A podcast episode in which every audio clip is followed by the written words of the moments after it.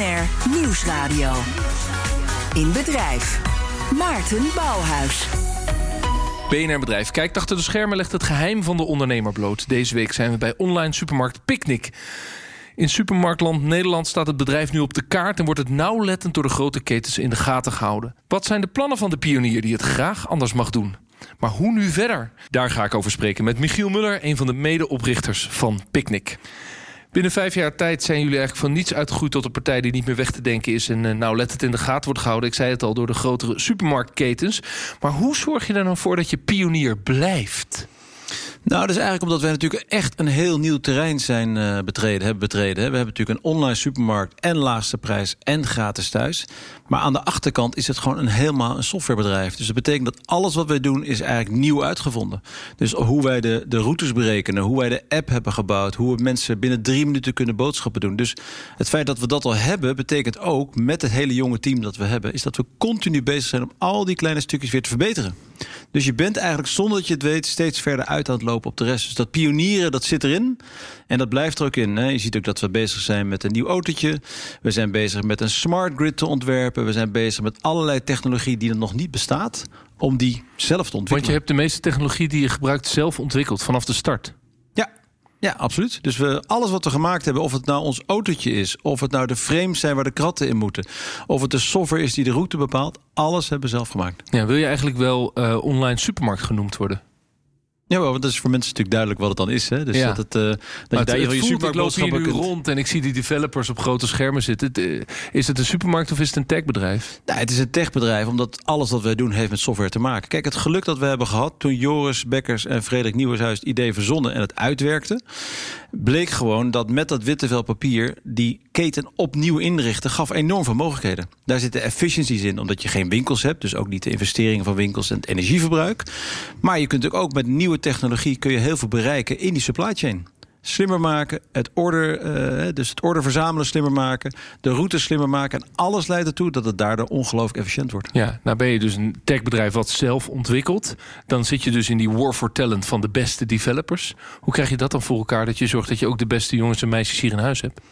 Nou, daar hebben we de afgelopen jaren wel wat in veranderd. In het begin zeg maar, was al onze berichtgeving, of dat nou naar consumenten was, of dat op LinkedIn was of elders, was eigenlijk laagste prijs gratis thuis. Dat is jullie belofte. Ja, uiteraard. En uh, dus eigenlijk was de consumentenbelofte gebruikten we ook een beetje in onze recruitment uh, channels. Nou, dat zijn we echt wel gaan veranderen de laatste twee jaar. En dat zie je dat het enorm resoneert, vooral met developers. Hè. Die halen wij wereldwijd uh, weg. Dus de allerbeste developers die willen werken bij een bedrijf dat voedselverspilling naar nul terugbrengt. Die willen werken aan een bedrijf dat een hele nieuwe supply chain voor online groceries uitvindt. Wat nog nergens ter wereld is gedaan. Die willen werken aan een bedrijf waarbij de last mile echt ge opgelost is. Nou, dat soort dingen gebruiken we nu veel meer in onze recruitment. En daardoor krijg je veel meer inflow. Ja, ik ga stage lopen. Waar ga ik als eerste stage lopen? Nou, volgens mij ga je naar een fulfillment center toe, hier in uh, Diemen. En dan gaan we eens even kijken hoe goed jij die, uh, die producten allemaal kan verzamelen in een mandje in het hart van het fulfillment center in Diemen zie ik aan de ene kant, uh, laten we zeggen, de, dikke stromenkant met de vrachtwagens waar uiteindelijk de boodschappen ingeladen worden. En aan de andere kant de shoppers die in een soort van supermarkt, maar dan net niet zo mooi ingericht als een echte supermarkt, dat hoeft ook niet, uiteindelijk de boodschappen bij elkaar shoppen. Tegenover mij staat uh, Paul van Loenhout, de manager hier op het fulfillment center. En Paul, we staan tegenover een scherm en op dat scherm zien we de picking line, order completeness, dock overview. Nou ja, en natuurlijk hoeveel pickers er actief zijn en hoe het loopt. Target en speed. Zitten we een beetje op, uh, op target? We zitten op target vandaag. Ja, zoals je ziet uh, lopen we op de lijn. En dat, uh, ja, dus voor vandaag zitten we helemaal goed. Diagrammen die op de lijn lopen. En dan zorg je er uiteindelijk voor dat hier de hele dag door dus de boodschappen weggaan. Hoeveel huishoudens worden er nou uiteindelijk vanuit dit uh, FC Fulfillment Center vandaag bevoorraad? Nou, zoals je hier kan zien uh, hebben we vandaag 4681 orders. Dus een hoop blije mensen. En die zijn er allemaal voor welke klok is? Moet dat hier allemaal weg zijn? Uh, vandaag moet alles voor vijf hier weg zijn. Ik ga helpen, want ik wil heel graag order pikken. Gaat me dat lukken, denk je? Dat gaat helemaal goed komen. We hebben Angelique, die gaat je daarbij helpen. Dus alle vertrouwen in. Dag Angelique, wat gaan we doen? We gaan even pikken. Uh, leg maar eens even uit hoe je mij gaat helpen, hoe je mij gaat coachen. We gaan even met de scanner. Gaan we eerst naar de kar toe. En dan gaan we het, uh, eerst die kar scannen. En dan gaat hij ons laten zien waar we naartoe moeten. Let's go! We moeten naar A46, 73. Dus dus aan de uh, rechterkant. We gaan aan de rechterkant A46. Ik zie hier A20, A22. Ik moet naar A46 73. Daar gaan we. Maar nu heb ik dus uh, traffic jam voor me. Want ik heb... De... Oh, linkerbaan? Ja, het is gewoon een Nederlands rijsysteem. Kijk eens even. Ik heb een... Scanner A34, A36, A38. Dat zijn dus grote stellingen. Ga er maar nog eentje. Oh, we gaan er nog eentje voorbij. Uh, wat zie ik allemaal staan? Ik zie vooral veel schoonmaakmiddelen. Uh, hebben jullie nog, uh, laten we zeggen, handzeep die ook ontsmet? Nee, de, waarschijnlijk wel. Maar ik weet niet precies waar ze staan. Uh, A46 en dan moet ik 7-3 hebben. Ik zie hier Ajax. Wat is dit allemaal? Green Soap 7-3. 7-3. Dan pak ik dus een fles. En dat is Nutrial. Dat is wasmiddel denk ik hè? Ja. ja, wasmiddel. Die scan ik dan op het etiket. Ja. En dan zegt hij dat hij in toot 1 moet. Toot 1, ja. Dat is, dat is hier bovenin. Stop ik hem erin. Ja. En dan scant u de tootnummer. En dan de locatie. En dan gaat hij het volgende product aangeven. Dus na elk product moet ik en het product scannen en dan de, de krat, dat noem jij een toot, en de kar nog een keer. Ja, maar bij het volgende product hoef je alleen maar de toot te scannen. Dat maakt het leven weer makkelijker. Ja. Ik moet naar 56, uh, 1, 5. Ik, ik kan hem zelf rijden. Ja, kijk, dat gaat hartstikke goed. Uh, uh, het is net zoals mijn auto, die rijdt ook zelf. 56, ah, daar zijn we al. 1, 5, even remmen zo. En dan is het het vijfde vakje. Deze. Uh, deze meneer of mevrouw wil nog meer schoonmaakmiddelen. Gewoon de handen uit de mouwen. Oh, dit is uh, uh, allesreiniger. Dat is natuurlijk ook voor het coronavirus. Dan moet ik wel even scannen. 8211. Dat is dan linksboven of rechtsonder? Helemaal beneden. Hier achteraan. Weet u uit de hoofd wat het is? nee. um, Bertolli olijfolie. Goed hoor. Zet ik gewoon naast de schoonmaakmiddelen of is er nog een beleid dat je producten in een bepaald tasje zet? Schoonmaakmiddelen doen we in, uh, doen we in een apart zakje, zodat die niet bij de gewone middelen komt. Dankjewel, Paul van Loenhout, supervisor in het uh, Fulfillment Center. En natuurlijk Angelique, mijn trainer uh, in de carrière van picker worden. Shopper dus, zoals dat bij Picnic heet. Wat opvalt is dat de producten in, in dit slimme Fulfillment Center niet naast elkaar liggen. Dus de spaghetti naast de spaghetti en de appelsap naast de appelsap. Nee, ze liggen door elkaar. Ze liggen door elkaar door het hele FC heen om de foutmarge te voorkomen. Picnic wil dus voorop blijven lopen, wil pionier zijn. Nou, redacteur Karin Baks heeft even gebeld met Thijs van Dijk... specialist in merkpositionering en schrijft veel over de ontwikkelingen in de retail. En ook die vraagt zich af, hoe doen ze dat? Hoe blijven ze de winnaar en voorop lopen? Hey Karin, goedemiddag. Matthijs. Thijs, uh, wij zijn vandaag bij online supermarkt Picnic. Een bedrijf dat vijf jaar terug nog helemaal niet bestond... maar nu niet meer uh, eigenlijk weg te denken is. Nee. En uh, elke gevestigde supermarktformule houdt het er heel goed in de gaten wat daar gebeurt. Hoe blijven zij ook pionieren in zo'n markt? Nou ja, weet je wat ik heel knap vind? Is uh, zij, zij innoveren echt in hun bedrijfsvoering. Hè? En dus ik vind het een, echt een innovator in de markt. En zij zijn een van de weinigen die uh, de klantbehoeften centraal durft te stellen. Dus naast dat ze innovatie op het gebied van arbeidsomstandigheden bieden, met het nou eerder genoemde nieuwe gerobotiseerde distributiecentrum, durven ze ook eigenlijk wel de, de huidige voedselketen ter discussie te stellen. En dagen ze daarmee eigenlijk de gevestigde supermarktorders, zoals ik het maar noem, uit. En kijken dus Jumbo, Albert Heijn en de andere partijen ja, scherp mee wat er gebeurt. Hè. En, en wat ik ook goed vind is dat ze uh, slim nadenken om uh, zaken als voedselverspilling uh, tegen te gaan. En haken ze daarmee ook wel in op een, nou, op een trend anno 2020, duurzaamheid of maatschappelijk verantwoord bezig zijn. En last but not least, ja, de klant van nu heeft gewoon weinig tijd. En, en daar speelt hun formule gewoon heel slim op in, moet ik zeggen. Ja, want uh, als, als we even naar het merk kijken van Picnic, dat is begonnen als een web uh, super. Of ja. zit er inmiddels al wel meer achter, denk jij? Nee, wat, wat zij zelf in een, uh, in eerdere persconferentie waar ik aanwezig was ook aangaven, is dat het allemaal begon als een soort jongensdroom, een soort maiden voyage noemden ze het zelf wel, uh, om een soort disruptie te veroorzaken in de nou ja, redelijk conservatieve supermarktindustrie. En ze zijn inmiddels wel uitgegroeid tot echt wel een volwaardige speler op die markt. Hè. En onlangs hebben ze in 2019 ook weer een investering opgehaald van, uh, nou, van ongeveer 250 miljoen euro om verder door te kunnen groeien. En dat laat ook wel zien dat investeerders heel veel vertrouwen hebben in, in hun plannen. En uh, ja, dat wordt een grotendeels in dat nieuwe distributiecentrum gestopt. Maar biedt ook zeker weer kansen om nieuwe gebieden te gaan benaderen en, en, nog meer verder te groeien. En de vibe is ook wel positief. Kijk, al heb je natuurlijk altijd wel azijnpissers die roepen... ja, het merk groeit, het maakt nog steeds geen winst. En, maar goed, ik vind het persoonlijk wel gaaf om te zien dat een echt Nederlands merk... op deze manier ondernemers, zoals ik ook, inspireert om te blijven dromen en innoveren. Ja, en, en wat is nu volgens jou de vraag die wij even zouden moeten voorleggen aan Michiel Muller? Nou ja, er wordt natuurlijk uh, uh, al heel veel gesproken over duurzaamheid, groei realiseren en de verbetering van de arbeidsomstandigheden en tegengaan van voedselverspilling. Dus we doen al, ja, ze hebben al een aantal mooie doelen die al behaald zijn of worden behaald op korte termijn. En tegenwoordig is er ook zo'n uh, hippe term die we purpose marketing noemen. En dat merken eigenlijk een doel buiten zichzelf zouden moeten hebben. En ik ben wel heel erg benieuwd wat het overkoepelende purpose is, of overkoepelende doel van het merk Picnic. Dus wat is nou eigenlijk de jongensdroom van Michiel voor de toekomst? Maarten Bouwhuis. Nou, dat leg ik uiteraard direct voor aan Michiel Muller, de CEO van Picnic. Eh, zeg het maar, jouw jongensdroom en dan in, vervat in dat moderne purpose... waar we het tegenwoordig uh, altijd over hebben. Nou, ik denk dat de jongensdroom van alle founders... en ook iedereen die bij Picnic werkt... is inderdaad slimmere, uh, schonere en groenere steden te bewerkstelligen. He, we zien natuurlijk dat nu thuisbezorgen is zo aan de orde van de dag. Wij zorgen dat die last mile heel efficiënt wordt... maar we zorgen ook dat die slimmer wordt... en we zorgen ook dat daardoor steden veel meer die drukte aan kunnen. En dat je uiteindelijk gewoon een, een, leefbare stad houdt. Want er is juist ook heel veel kritiek op thuisbezorging als het gaat over de groene steden. En namelijk de busjes die massaal door onze straten heen rijden. En we de vraag stellen van, is dat wel zo goed voor het milieu... dat we alles, nou, laten we zeggen, convenient thuis laten bezorgen? Nee, dat klopt. En dat is ook de, precies de reden dat wij het andersom doen. Hè. Dus eigenlijk de traditionele bezorgmodel is eigenlijk dat je met een dieselbusje... de hele dag als een kip zonder kop door de stad rijdt. Wij hebben gezegd, nee, we gaan elektrisch rijden. We rijden als de melkboer, dus we rijden één keer per dag door een straat... en niet uh, tien keer. En dat betekent ook dat daar een deel van onze verlengde duurzaamheid in zit. Want we zijn nu al in gesprek met een aantal uh, partijen om dus onze supply chain, onze infrastructuur te gebruiken om andere dingen te doen. We doen nu iets met bibliotheekboeken. We zijn bezig met uh, returns van webwinkels. Dus iets past jou niet en je wilt teruggeven, kan je het gewoon onze runner mee teruggeven. Die komt toch al aan de deur met een elektrisch vervoer. Heel efficiënt. Dus op die manier zorg je ervoor dat heel veel vervoersbewegingen uit die wijk gaan. Maar daar kan nog veel meer mee. En je hebt een recent een deal gesloten met Nespresso. Ja. Dat je ook Nespresso cups uh, kunt, uh, kunt bezorgen. Uh, ik begreep in mijn stage overigens dat die elke avond worden bevoorraad. En je precies zoveel Nespresso krijgt als dat er besteld is. Ja.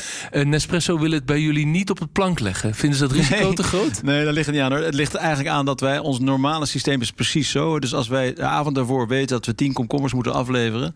Dan bestellen we maar 10 komkommers. En Nespresso zit gewoon precies in hetzelfde ritme. Dus wij zorgen er gewoon voor dat onze voorraden genoeg zijn voor die dag. En helemaal bij verse producten is dat super relevant. Want dan komt het ochtends in het fulfillment center aan. En smiddags ligt het al op je aanrecht. Ja. Wat is dan de volgende stap? Een mediamarkt? Om ook daar pakketjes te gaan bezorgen exclusief voor de mediamarkt? Nou, zeker absoluut. Er zijn natuurlijk heel veel markten. Uh, mode, elektronica, boeken. Waar enorm veel wordt thuis bezorgd. Hè? En dat is ook de reden dat we uiteindelijk uh, ons afvroegen... hoe kan het nou zijn dat het in supermarktland weinig is? Maar goed, die markt is er al. Die wordt ook continu uh, gebruikt door mensen. Dus daar kunnen we heel goed ons model voor gebruiken... om dat efficiënt aan maar met wie ben je in gesprek? Ben je met Zalando in gesprek? Hè? Want je bent ook in Duitsland aan het groeien. Is dat een partij om, om daar een samenwerking mee op te zetten? Zeker. En dat is ook zo dat je dus ziet hoe meer je zelf op de radar komt. Hè? En dat hebben we natuurlijk afgelopen jaren eigenlijk iets meer gedaan om iets meer uit te leggen wat we doen, waarom we duurzamer zijn. Dan zie je natuurlijk ook derde partijen, het voorbeeld Nespresso, die naar ons toe komen. Die zeggen: wij willen eigenlijk duurzamer werken, willen ook nog een betere service. Want jullie zijn super aardig aan de deur en op de minuut precies. Dus kunnen we niet samenwerken. Ja, dus zo ga je het retailmodel eigenlijk inzetten voor andere partijen. Ja. Um, is dat ook de belangrijkste groeistrategie die er nu ligt? Om te zeggen, ja, die, die supermarkt, die boodschappen voor mij thuis... daar zit een, op een gegeven moment duidelijk max aan. Hè, want ik bestel nou eenmaal zoveel boodschappen als ja. gezin per maand. Ja. En, en, mijn groeimodel als Picnic zit hem uh, eigenlijk in een platform zijn... voor al die andere partijen. Nou, de basis, de allergrootste groei zit natuurlijk nog in het feit... dat we net begonnen zijn. En nog heel veel steden net open zijn. Uh, Uh, als je kijkt naar uh, Amersfoort, is nu bijna vijf jaar oud. Dat noemen we onze oudste stad. Maar er zijn natuurlijk heel veel steden die zijn vorig jaar geopend. Dus die staan nog helemaal aan het begin. En überhaupt die hele markt staat nog helemaal aan het begin. En wat is dan je marktaandeel in Amersfoort nu na vijf jaar? Nu doen we ongeveer 80% van het marktaandeel is online. Dus we hebben 80% van het online marktaandeel. En we hebben ongeveer 5% van de hele markt. En dat is voor een bedrijf dat vijf jaar geleden nog niet begon. En in een markt waar je vroeger als je 0,1% marktaandeel won... dan belde je de Telegraaf op om op het voorpagina te zetten. Ja, dus de, de, om een manier om te zeggen, daar ben ik erg trots op. Uh, nou, maar trots, de belangrijkste nee, groeistrategie, antwoord op die vraag... is dus meer markten openen, meer dorpen, meer steden ontsluiten. En ja. daarna pas komt platform zijn voor andere partijen. Nee, tegelijk. Dus eigenlijk heb je dus die nieuwe steden waar je net begonnen bent... die moeten nog veel verder groeien. Die gaan gewoon allemaal Amersfoort achterna. We zijn natuurlijk in Duitsland begonnen. Zitten we nu in 30 steden. Nou, uh, Noord-Rijn-Westfalen, maar we zitten dus even groot als Nederland. Dus er is nog eindeloos veel zeg maar, in de markt waar we ooit mee begonnen zijn. En daarnaast zie je dus allerlei modellen ontstaan... om andere dingen erbij te doen. Ja, um, wat is eigenlijk de belangrijkste hiccup om een nieuwe stad te openen? Het vinden van het gebouwtje waar, het, uh, waar onze autootjes moeten komen te staan. Is het zo simpel? Dat Ja. je gewoon op een, op een uh, Ja. industrieterreintje buiten zo'n stad vierkante meters nodig hebt? Ja, je moet dus dicht bij, eh, eh, dicht bij de woningen zitten waar de mensen wonen. Want daar wil je naartoe rijden. We willen eigenlijk altijd bestaande gebouwtjes vinden. Zodat het ook in duurzaamheid een bestaand gebouw eh, hergebruiken. En daarnaast is het zo, je moet natuurlijk nog wel iemand vinden waar je mee een normaal contract mee kunt sluiten. Nederland is een beetje, eh, Noord-Nederland is nog dun bezaaid. Ja.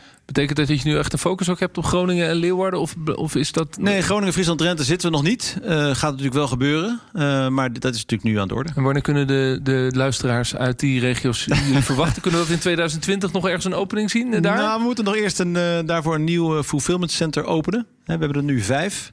En om het noorden van Nederland te doen, moet je eigenlijk wel iets meer in het noordoosten hebben. Qua fulfillment center, waar je dus de boodschappen in mandjes doet. Zodat je van daaruit dichter bij die steden bent. Die boodschappen die ik vanochtend heb ingepakt... die moeten natuurlijk ook bezorgd worden bij de klant. Nou, daarvoor heeft Picnic kleine elektrische wagentjes. En ik stap in bij ervaren runner Quincy Winter... die mij meeneemt eh, ja, in zijn rit naar zijn klanten. Dan stap ik bij Quincy eh, in het eh, elektrische wagentje... waar je prima met z'n tweeën in kan zitten. Hij lijkt op straat altijd heel smal, maar we hebben eigenlijk ruimte zat. Er staat een telefoon met de route voor ons. Ehm, het regent een beetje, maar dat mag de pret natuurlijk niet drukken. Hoe ver is het naar onze eerste klant? Uh, ja, de navigatie geeft 12 minuten aan, maar ik weet zelf dat het ongeveer 8 à 10 minuutjes zal zijn. Dat is dan de ervaring van de ervaren runner. Ja, zeker, zeker. En waar gaan we naartoe? Uh, we gaan eerst, uh, dat kan je ook zien op onze tripsheet, we gaan eerst naar Parnassieveld, dat is in Duivendrecht. En zoals je kan zien, na mijn derde stop gaan we de richting Diemen. Wat is het leukst aan, uh, aan werken als runner? Het leukste als werken als runner, ja. Uh, als ik bijvoorbeeld naar mijn eigen carrière hier kijk, ik was in mijn eerste maand was ik runner trainer geworden. Dus dat vond ik sowieso ontzettend leuk om zeg maar, de nieuwe runners op te leiden. Die ook zeg maar, hetzelfde werk als mij gaan doen. En ik ben sinds vorige maand ben ik ook Runner Plus geworden. Yes. Wat houdt dat in? Uh, zeg maar, je had Sikander net gesproken. Hij is zeg maar Runner Plus die zeg maar, uh, zorgt voor alles daaromheen. Want zeg maar, de hubmanager werkt meestal in de ochtend. En dan heb je de Runner Plus die sluit meestal ook gewoon zeg maar, uh, de hub af, et cetera. En zorgt ervoor dat alles goed verloopt qua klantenservice, et cetera, et cetera. Zodoende. Maar ja, het runnen zelf is gewoon natuurlijk leuk, de interactie met de klant. Ja, soms kom, kom, je ook wel bij klanten thuis en dan weet je, komt er, is er bijvoorbeeld een heel nieuwsgierig huisdier, bijvoorbeeld een hond of een kat en zo. En ja, dat is wel altijd even, even lachen. Kom je vaak bij dezelfde klant eigenlijk? Ja en nee. Soms, sommige dagen weer wel. Dat ik echt merk bijvoorbeeld dat ik op bepaalde dagen wel bepaalde klanten inderdaad zie. Maar elke week is toch wel anders. Elke trip of elke shift is toch wel heel verschillend. Yes. En dan rijden we Duivendrecht in uh, met zo'n grote ronde hobbeldrempel. Waarvan je denkt dat smalle wagentje van Picnic vindt die drempels niet leuk. ja, dat is Amsterdam helaas. Hè? maar dan vinden we onze weg Parnassiaveld. Dat is waar wij als BNR-presentator in het picknickbusje uiteindelijk gaan bezorgen. En dat is een uh, flat, vijf hoog. We gaan naar nummer 40, dat hebben ze heel groot opgezet. Dat is wel slim, dat ze die huisnummers zo groot op hebben gezet. We parkeren hier gewoon dubbel. Want waarom zouden we in de vakken gaan staan? Oh, we gaan netjes in de vakken staan. Achteruit, ja, er zit zelfs een camera op. Ja, achteruitrijcamera. Achteruitrijcamera op het picknickkarretje.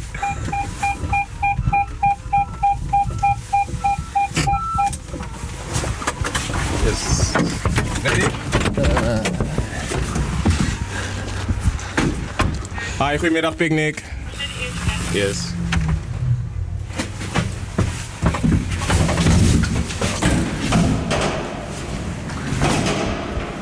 We stappen uit op de eerste verdieping en zoeken nummer 40.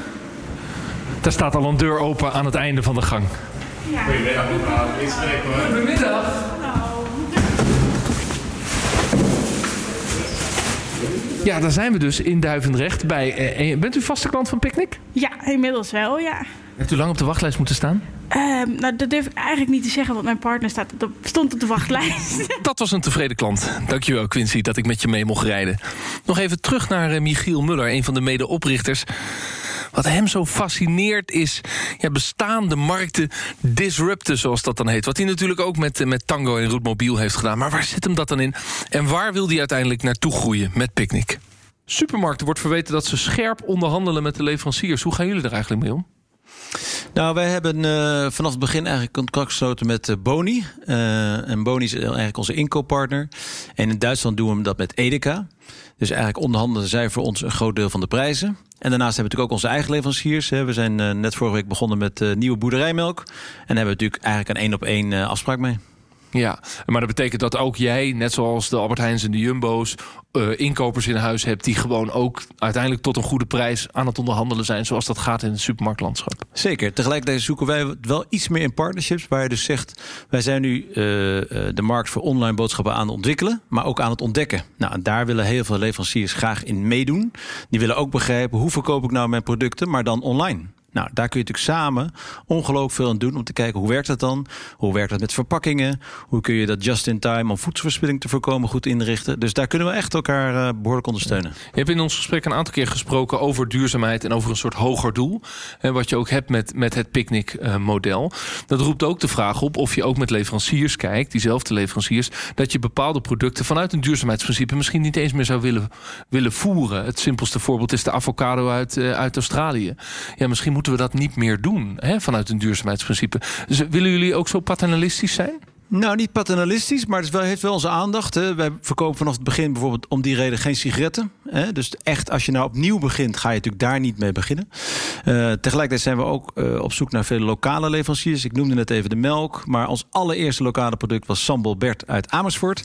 Uh, dus dat, dat triggerde ons meteen iets van, wacht eens even, er zit zoveel trots bij lokale producenten om een product aan te leveren. De lokale bevolking vindt het erg mooi. Dus dat is ook iets waar je een enorme trend ziet. Hè. Dat steeds meer mensen denken, waarom moet het inderdaad uit Peru komen, terwijl het ook in Alphen aan de Rijn wordt gemaakt. Hoe ziet ons eh, supermarktlandschap er over tien jaar uit in, jou, uh, in, jouw, in jouw beeld? Nou, er gaat behoorlijk wat veranderen. Want uh, kijk, toen wij begonnen was supermarktboodschappen online was ongeveer 1%. Nou, nu is het dan uh, 2, 3 procent. Nou, de ene zegt het gaat naar 10 procent groeien in een paar jaar tijd. De ander zegt 20 procent. Nou, als dat gaat gebeuren, betekent dat dat gewoon veel meer mensen online boodschappen gaan doen. En dat gaat natuurlijk ook iets betekenen voor supermarkten. Waar ze misschien een andere rol gaan krijgen. Hè. Ze gaan heus niet allemaal weg. Dat gaat natuurlijk niet zomaar. Het is de grootste markt die er is in Nederland wereldwijd. Dus het gaat veranderen en mensen moeten veel meer nadenken... wat wil ik eigenlijk zijn als supermarkt? En wij houden ons natuurlijk vooral bezig met ons stuk. Dankjewel, Michiel Muller, een van de medeoprichters van uh, Picnic. Picnic is volgens mij nog lang niet klaar. Het gaat nog maar over een klein stukje marktaandeel en ze willen hard doorgroeien. Niet alleen in Nederland, nee, in Duitsland gaat het ook hard.